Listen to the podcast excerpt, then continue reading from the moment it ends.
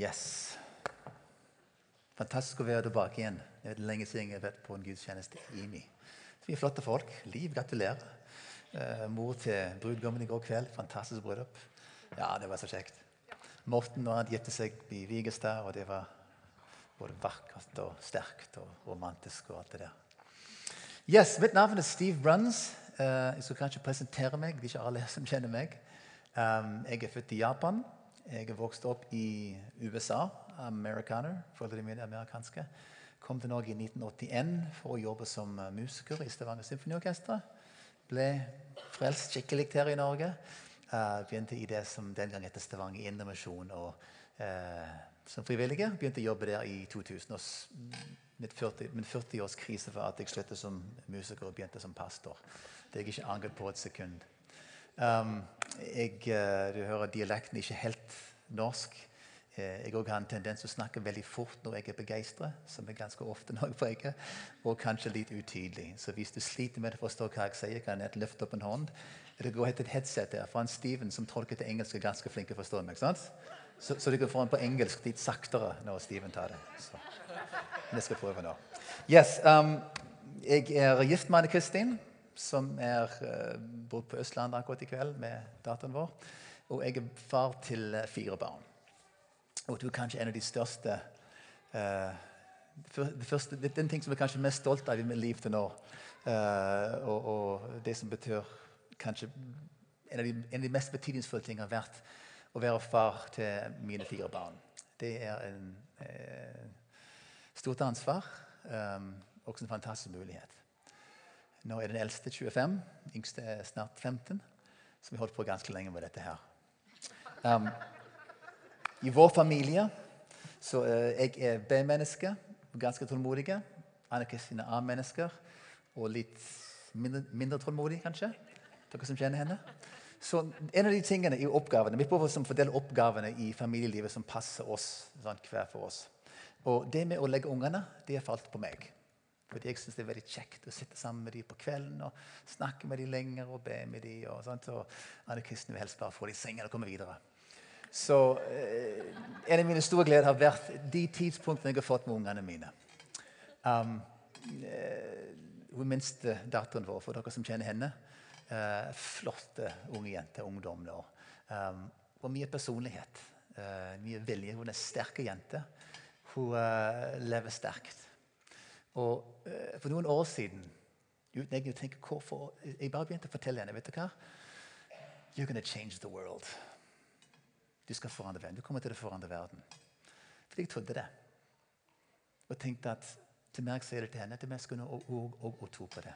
For jeg har sett noe i henne Uh, hun har en kraft til å kunne å virkelig um, uh, kjempe for ting. Og kjempe for mennesker. Og stå opp for andre. Og, og stå for det hun tror for. Og ikke bare gjemme seg bak de andre. Så jeg begynte å fortelle henne altså jeg er amerikaner, jeg snakker engelsk. You're gonna change the world. Du kommer til å forandre verden. Og jeg tror at de har gjort noe med henne. De har også gjort noe med meg. Etter hvert jeg begynte å fortelle mine andre barn også det samme. De skal forandre verden. Altså, Jeg har sånn et fast ritual. Når jeg, jeg, snakker med dem og ber for dem, så pleier jeg alltid å si jeg er stolt av deg, jeg er glad i deg, du kommer til å forandre verden. Tenk på det før. Vi kan forandre verden. Deres unger. Dere. Meg. Vi kan forandre verden.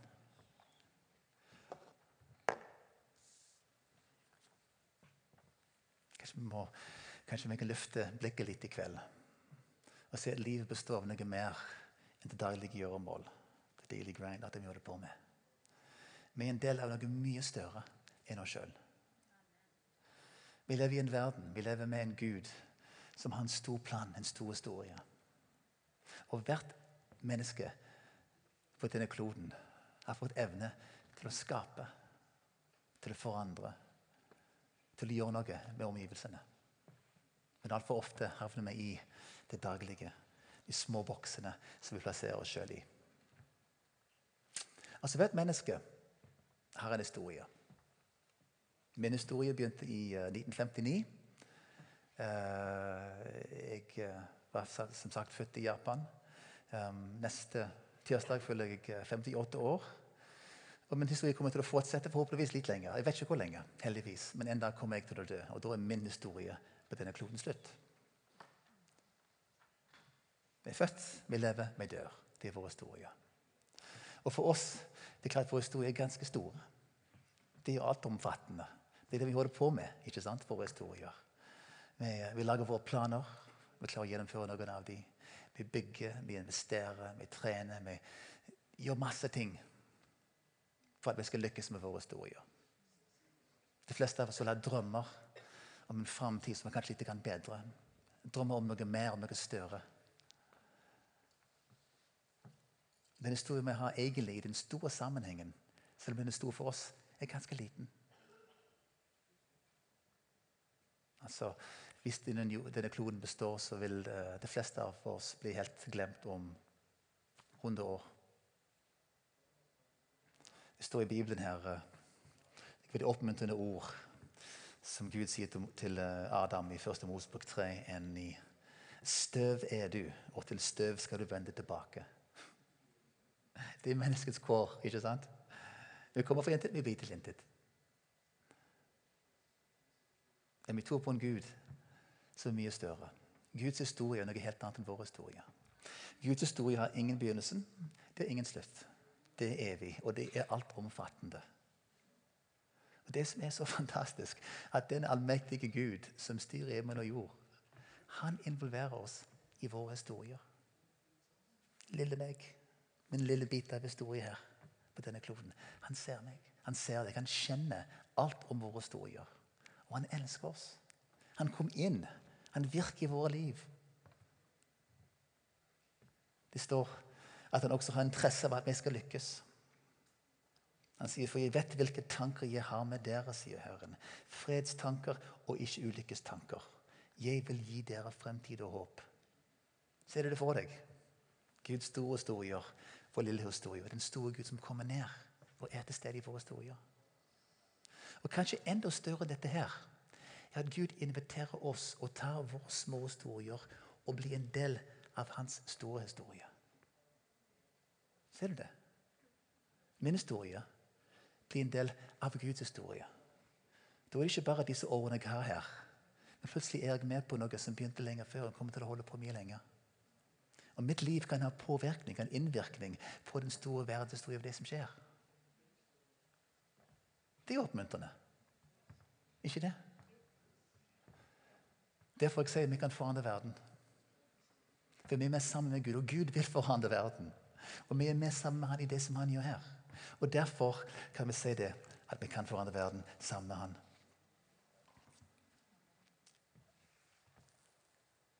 Har vi lyst til det? Har vi lyst til å være med på noe større enn oss sjøl?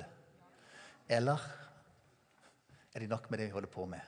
Det lille boksen vi står oppi.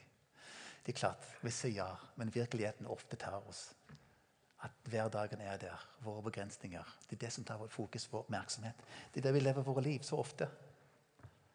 Men da Jesus kom til verden, så inviterte han mennesker til å være med i hans historie. Han kalte disipler, både menn og kvinner, til å følge etter ham. Og De vil med. De fulgte han, de lærte av han, de var med på det som han gjorde. Og uh, de tok imot det han gav dem. Etter tre år så, så døde han og reiste opp igjen. Og Jeg har ofte tenkt på det. At Hvis det var bare det han hadde gjort, hva som hadde skjedd da? Hvis Jesus hadde investert i disse menneskene som fulgte han, og døde og stod for å frelse dem, og bare det, hva hadde skjedd da? Det er fantastisk for de det gjaldt. De hadde fått frelse og evig liv. Men hva med oss, da? Altså, Jesus døde på korset. Han sa 'det er fullbrakt'. It is finished på engelsk. sant? Det var, det var, det var ferdig, det var, full, det var fullkomment. Det når de gjorde frelsesverket, var ferdige. Men det var egentlig bare det de starta. For de måtte komme noe etterpå.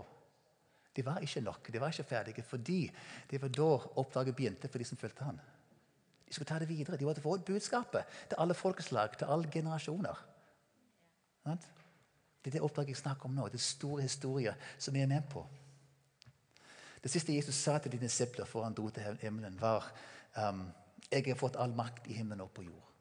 Gå derfor og gjør alle folkeslag til disipler. det dere døper dem til Faderens og Sønnens og Den hellige ånds navn, og lærer dem å holde alt jeg har befalt dere. Og se, jeg er med dere alle dager inntil verdens ende. Vi kjenner det, sånn, misjonsbefalingen. Han gav dem et oppdrag. At de skulle ta det de hadde fått av han, og gi det videre. De hadde blitt gjort til disipler. De skulle gjøre flere til disipler. Som skulle gjøre flere til disipler. Som skulle gjøre flere til disipler. De skulle døpe dem. De skulle gi dem en ny, en ny identitet. Sånt? Døpt til Faderens og Sønnens Helligånds navn. Døpt inn i en familie. De skulle få um, et nytt oppdrag. Han skulle lære dem å holde alt han har befalt dem. Disiplene skulle lære dem opp til å gjøre det samme som Jesus hadde gjort. Å elske Herren og elske det neste og forandre verden. Jesus kom til å forandre verden. Hans disipler skulle forandre verden. Og det gjorde de for å gi det videre. Og det er kommet videre fra generasjon til generasjon. fra folkeslag til folkeskole. Det er derfor vi er her i dag. Ikke sant? Ser du det? Vi er en resultat av det ene oppdraget som Jesus gav sine disipler. Det gjelder oss i dag også. Oppdraget er ikke stoppet nå. Og Spørsmålet er hva skal vi gjøre videre med det oppdraget vi har fått av Jesus? For å gi det videre. For å flere til disipler. Flere som kjenner han, som følger han, som gjør det som han gjorde. Saken er at Ofte tenker vi på kristendom som uh, noe som handler om å få ta imot det som Gud gir oss, og leve et godt liv, og så komme til himmelen. Frelst, fri, himmelen. Men det er bare en del av det. Hvis det er hele fokuset vårt, hva Jesus betyr for meg, hva det betyr for meg å ha en relasjon til Gud, hva det betyr for meg å bli fri og frelst og komme til himmelen en dag, så vi mister poenget. For Det er bare halvparten av det. Det er bare begynnelsen av det. Vi må gi det videre. Og Gud kom ikke til verden for å frelse meg. Han kom til verden for å frelse oss, menneskeheten. Klart, Han vil frelse hver enkelt av oss. Frelsen gjelder hver enkelt person. Han ser hver enkelt, han kjenner oss ved navn. Han kan alt om oss. Men det stopper ikke der. For jeg tenkte at når vi får det, skal vi gi det videre. Vi skal være med på det store oppdraget.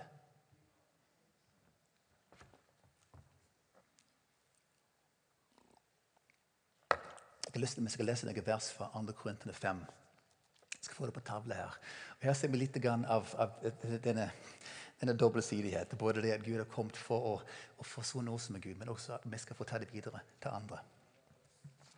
Fra vers 14. Um, for Kristi kjærlighet tvinger oss. Vi vet at én er død for alle. Derfor er de alle døde. Og han døde for alle, for at de som lever, ikke lenger skal leve for seg selv, men for han som døde og sto opp for dem så kjenner vi ikke lenger noen bare på menneskelig vis. Og Har vi før kjent Kristus på menneskelig vis, så kjenner vi ham ikke lenger slik. Nei, den som er i Kristus, er en nyskapning. Det gamle er borte. Se, det nye er blitt til. Kristi kjærlighet tvinger oss. Den, den eh, driver oss ut. Vi kan ikke bare ta imot den kjærlighet. Det han har gjort for oss, og holde det for oss sjøl. Vi må gi det videre. Vi må kunne ta det der med nye skapning i Kristus og hjelpe andre til å bli det også. Vi fortsetter i vers 18. Det står men alt er av Gud, Han som ved Kristus forsonte oss med seg selv og ga oss forsoningens tjeneste. For det var Gud som i Kristus forsonte verden med seg selv, slik at han ikke tilregner dem deres misgjerninger. Og han betrodde budskapet om forsoningen til oss. Så gjennom Kristus har Gud forsont oss med seg. Han har tatt vekk misgjerningene, synden, det som stengte oss for å kunne ha relasjon med Han. Han har dratt oss tilbake igjen. Han har tatt oss hjem, akkurat som den gode far tok imot den bortkomne sønnen. Vi kommer til Han sånn som vi er, med alt det som er der. Og så har han gitt oss forsoningens tjeneste. Han har betrodd budskapet om forsoning til oss. Hva betyr det, forsoningens tjeneste? Vi leser videre så er vi da utsendinger for Kristus. Og det er Gud selv som formaner gjennom oss. Vi ber dere på Kristi vegner, la dere forsone med Gud. Han som ikke visste av synd, har han gjort til synd for oss, for at vi i ham skulle få Guds rettferdighet. La det stå der. Så er vi da utsendinger for Kristus, og det er Gud selv som formanner gjennom oss. Ser dere for deg? for deg. Forsoningens tjeneste. Vi er med. Gud virker gjennom oss, Tall gjennom oss. Han roper til mennesker gjennom oss. La dere forsone med Gud. Kom tilbake igjen til pappa. Se for deg sjøl at du var foreldreløse. Et barn uten foreldre. Du var plassert på et barnehjem. Du visste ingenting om dine foreldre. Hvorfor det var foreldre disse, hvor de var, hvem de var. Men du visste at du var alene i verden. Du fikk det du trengte av mat og helse, men du kanskje skjønte fra begynnelsen av at jeg burde være for meg sjøl. Det er sånne foreldre disse vil naturligvis tenke. De beordner seg sjøl i livet. De som vokser opp slik på den måten her, kan leve gode liv. Selvfølgelig. De kan få oppleve både kjærlighet og glede, mening med livet. Men som regel bør de alltid ha en opplevelse av å være alene. Av å ikke ha foreldre. Og ikke ha de som har gitt deg liv. Og ikke ha de som kan forsørge deg. Passe på deg videre.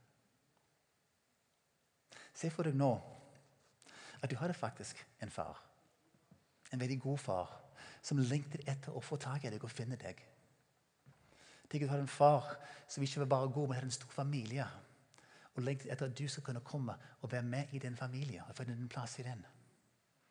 Tenk at den faren som ikke visste hvor du var, var svært rik og hadde alt du trengte av ressurser. Og hadde til og med en arv for deg. Se for deg nå at en som du kjenner, også kjente faren din. Og denne personen oppfatter fort at den, det barnet som faren lette etter, var deg. Sa to og to sammen. Tenk for en glede det måtte være for denne personen å være den som kan forsone deg med din far som har lett etter deg og har så mye å gi deg. Å kunne gjenforene deg. Dette er forsoningens tjeneste. At vi oppsøker mennesker som ikke vet at de har en god far, som elsker dem, som har en familie som har alt de trenger. Og kunne si her, dere har en far. Han lengter etter deg. Han bare venter på å få deg tilbake igjen. Akkurat sånn som du er. Å forsone mennesker med sin far i himmelen. Hva er det som gjør at vi er atskilt? Hva, hva, er det som gjør at de er slik? At vi ikke lever med han og får det han har for oss? Vi leser i teksten Først han sa at uh, vi lever for oss sjøl. Vi har fokus på oss sjøl og på våre liv og det som vi skal få til. Ursynden, at mennesker har satt seg sjøl i Guds posisjon og skal klare seg sjøl. Så står det om våre misgjerninger som er tatt vekk. Om synden og det vi gjør som er galt. Det er det som skiller oss fra vår far. Vi snakker ikke så ofte om synd i kirka. Jeg har lest litt i avisene i det siste, og folk spør meg hvorfor snakker ikke kirka om synd lenger. Du vet, I vår kultur så var det en periode der det var veldig mye fokus på synd. Spesielt i det lavkirkelige miljøet. Eh, det som gjorde at veldig mange mennesker opplevde seg fordømt. Eh, fikk et veldig negativt menneskesyn. Og kanskje hadde liksom ballen svunget liksom, eller pendelen svunget andre veien. og sånt, til at vi snakker mindre om synd. Vi har valgt å snakke om Guds godhet. Om Gud som en god far som inviterer folk tilbake igjen til kjærlighet med Han. Til mening ved livet. Til å finne din egen identitet. Til å forstå at du er god nok. Nåde som møter oss akkurat der vi er. Vi synger lovsang og takk og priser Gud. Det er det som er vår fokus som menighet i dag. Men hva skjer hvis synd forsvinner? Hva skjer hvis vi ikke har den bevisstheten at vi faktisk trenger frelse? Det kan være farlig. Det betyr at vi ikke er oppmerksom på at det er synd. Eller vi finner en annen måte å takle det på siden vi ikke er synde. For det er klart at Når vi først oppfatter det, at vi er synd, at synd er en del av det vi er som mennesker, vår menneskelige situasjon, da kan vi takle det. Da kan vi gjøre noe med det. Da kan vi sørge for at det ikke mestrer oss, har makt over oss. For synd er en del av det vi er. Vi er skapt annerledes for alle dyrene. Vi er det eneste skapningen på denne planeten her som kan skille mellom rett og galt. Gud har skapt oss i sitt bilde med den frie vilje. Vi kan velge å gjøre det gode eller det onde. Ellers hadde vi vært dyr. Så det er, det er, ikke bare en dum ting det der, folkens, å ha en fri. Det er en god ting. Det er der for oss som mennesker. Men å være klar over at når vi har den vilje der, så velger vi galt. Og da er det det som atskiller oss fra Gud. Det er det som er synd. Vi bommer på målet. Vi velger feil. Vi gjør det som ikke er til Guds vilje. Jesus han klarte det. Han var menneske. Og han også ble frista Vi leser om hans eh, fristelser i hans tid i ørkenen. Vi leser om det siste kvelden der i Gethsemane-hagen. Han ble fristet. Han måtte kjempe mot dette her og, og, og gå sin egen vei. Han måtte kjempe mot å ta seg, ta seg selv i midten og si Gud, la din vilje skje. Sånn som du vil, ikke som jeg vil. Det står i Bibelen at Jesus var det eneste mennesket som har klart å leve syndfritt. Han hadde det valget. Han kunne velge godt rundt, han valgte bare godt fordi han var Gud. Vi er ikke Gud. Vi er ikke Jesus. Og Det står at ikke ett menneske har klart det siden og velger alltid det gode. Det vil si at vi synder. Vi tar feil valg. Vi lar ting få tak i oss. Og så er det det som skylder oss for Gud. Jeg tror det er ekstremt viktig at vi har den selverkjennelse, den selvinnsikt nok til å forstå hva er det som, som trekker meg. Hvilken synder er det som har mest makt på meg, eller som prøver å i meg? Jeg vet ganske godt hva tingene utfordrer meg. Og Da må jeg være bevisst på å ikke la meg gå der. Jeg må være bevisst på at jeg skal ikke falle i de syndene der. Så jeg kan ikke la meg lure meg. Jeg vet at jeg har utfordringer der. Derfor skal jeg sørge for å få hjelp og få fokus av Gud og andre mennesker. Det er klart Jeg klarer det ikke alltid. Men jeg er klar over hva det er som frister meg, og hva det er som trekker meg. Vi må ha det, folkens. Vi kan ikke bare tenke alt går bra.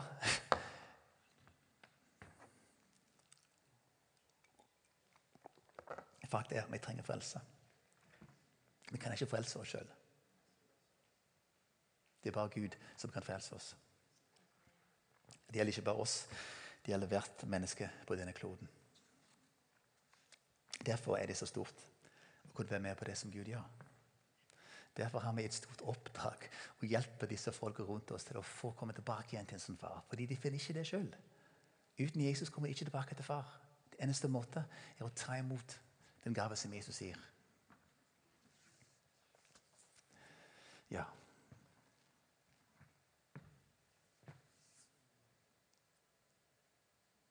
Det er en kamp. En daglig kamp for hvert enkelt av oss. Skal jeg sette meg sjøl i midten, eller Gud i midten? Det er kanskje den urkamp vi har helt fra Adams tid av. Handler det først og fremst om mine behov, min tilfredsstillelse, den kontroll som jeg har på livet? Det handler om å søke Gud først, og elske Han og elske min neste? Vi må ta valg hver dag som handler om det. Det kan hende det er enklere for oss istedenfor å fokusere på hva vi skal kjempe imot, og heller tenke på hva vi skal kjempe for. For Jesus ga oss en ganske grei oppskrift om hva vi skulle kjempe for. Hvordan vi skulle leve våre liv, hva vi skulle sette på førsteplass i det praktiske daglige arbeidet vi har. Vi vet det dobbelte kjærlighetsbud. Annet det står i Matteus 22, der en mann spør Jesus, 'Mester, hvilket bud er det største i loven?' Han svarte, du skal elske Herren til Gud av hele ditt hjerte, av hele din sjel og av all din forstand. Dette er det største og første budet. Men det andre er like stort. Du skal elske ditt neste som deg selv. På disse to budene hviler hele loven og profetene.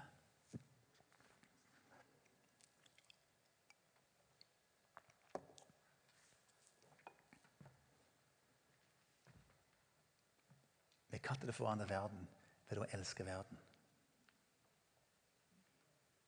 Det er ikke til å frelse verden. Gud har aldri sagt at vi skal frelse verden.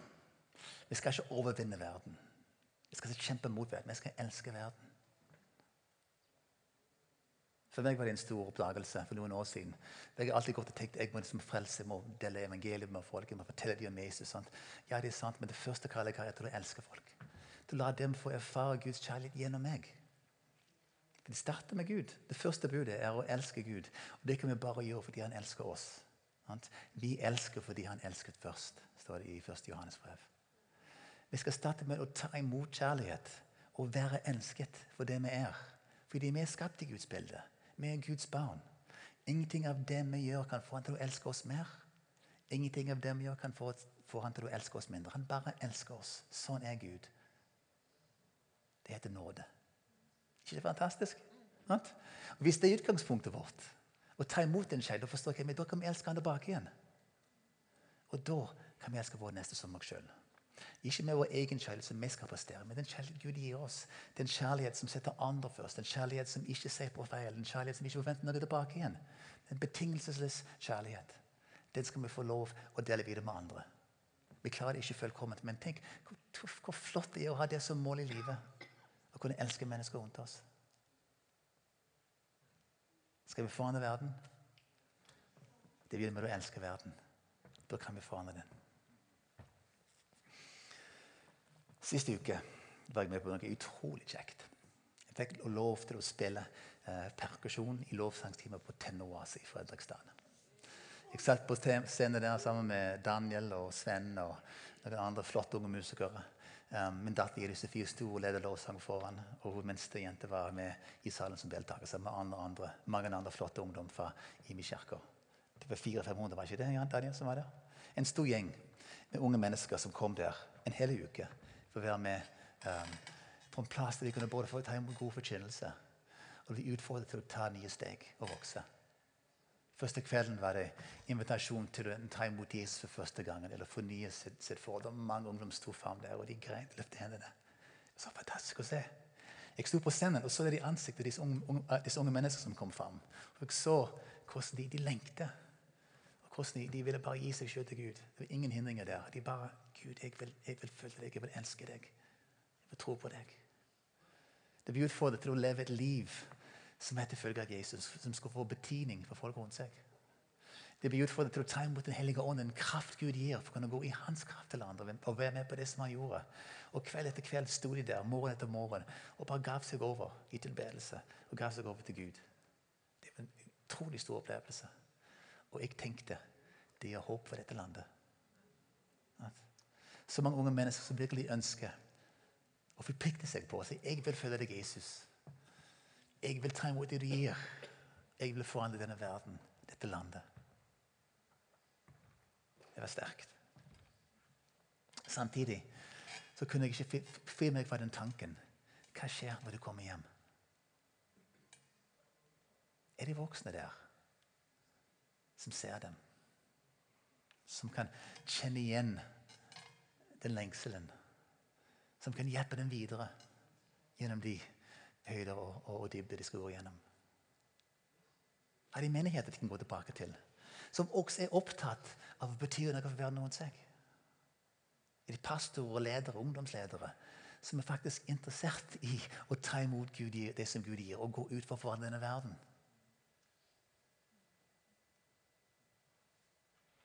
Jeg glemmer aldri en gang jeg var um, ny kristen. og Det var en ungdom på den plassen jeg bodde, som virkelig var overgitt og lidenskapelig og sto på. Og så var det en, en, eldre prest som snakket med denne lederen som jeg kjente. Som sa ja, ja, jeg ser hvordan du har det. Sånn var jeg òg en dag. Jeg òg hadde en sånn en virkelig radikal. Men slapp av, det går over.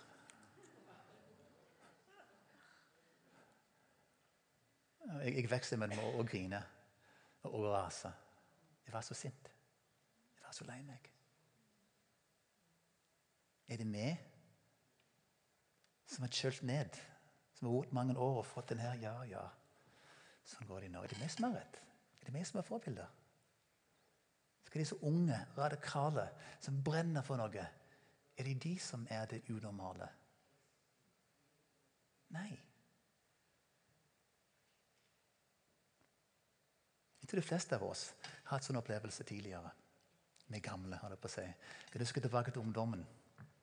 Vi virkelig bestemte oss for at vi, vi ville for Jesus. Vi ville forandre verden. Vi så det for oss. Sant? Kanskje når dere unge er det nå. Og Det er fantastisk å være der og dra oss gamle inn tilbake til det. For jeg tror disse her glørne som brente så varmt da, de ligger der fortsatt. Tror Da Det hellige ånd blåser på oss gamle, så kan også disse gamle drømmevisjoner brenne igjen. Det er jo det som er målet, folkens. Det er ikke bare ungdom i oppdrag. Det ikke bare aktestudenter. Det er ikke, ikke det unge radikale som skal forandre verden. Vi skal forandre verden sammen. Og vi trenger jeg skal så godt den der uh, passion pastor sa, vi trenger we need the wisdom, the passion of the young and the wisdom of the old. The wisdom of the old and the passion of the young. Sant? De gamles visdom og de unges lidenskap sammen. Sant? vi som er foreldregenerasjonen, må sørge for at disse ungdom som kommer hjem igjen, skal si 'Fantastisk! Yes!' Jeg må hjelpe deg. Hvordan skal vi hjelpe? deg? Hvordan skal vi gå sammen her? Hva trenger du? Sant? Fortell meg hva du opplevde. Jeg kan fortelle deg om, om, om mine drømmer også. Sant? Sammen, som familie, kan vi si at vi skal få dette til. Det er det som er saken. For min egen oppvekst, mine fjelltopp og mine daler Jeg hadde aldri klart det uten mine venner, uten menighet, uten familie rundt meg. Fordi jeg har hatt disse visjoner og drømmer. Jeg har vært langt oppe, og jeg har vært langt nede. Jeg har fått glød og, og passion og, og store tegn. Jeg har opplevd tvil. Jeg har opplevd fornektelse. Jeg har opplevd kynisme. Sånn? Det er den vandringen vi går. Opp og ned, fram og tilbake. Men Gud kaller oss til å være med på den vandringen og fullføre vandringen sammen med Han. Han vet hvordan vi har det. Derfor trenger vi hverandre. Det vil jeg si helt fra begynnelsen av. Jeg har alltid hatt behov for folk rundt meg som kan heie over meg og hjelpe meg, utfordre meg, og så kan jeg kan utfordre.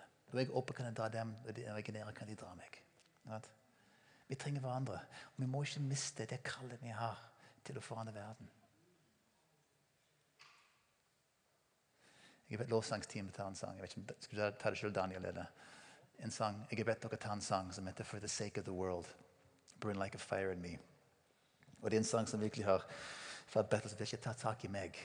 Vi snakker veldig mye om å brenne og bli fylt av Den hellige ånd sånt, og, og, kjenne Gud. Men denne sangen her sier ja, ok, men for verdens skyld, brenn som en er i meg. Den brannen du gir meg, den troen du gir meg, at, at det gjør i mitt liv, er for meg. Og jeg takker deg for det. Men det skal videre.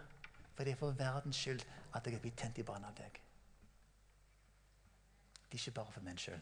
Det er klart, det er feil. Ikke misforstå meg nå. Det er klart at Jesus døde på korset for meg. Hadde ikke vært et annet menneske i verden, hadde han gjort det. Det tror jeg. Han elsker meg. Han ser meg. Han vil at jeg skal ha det godt. Takk for lov. Men det stopper ikke der. Sant? Fordi vi har fått den her, da må vi gi det videre. Som familie, på den måten som er rett for oss. Hvordan skal det skje? På hvilken måte? Jeg vil reise og stå og synge sammen denne sangen. Mens vi synger det, be Gud, vis meg. Hvordan kan jeg forandre verden?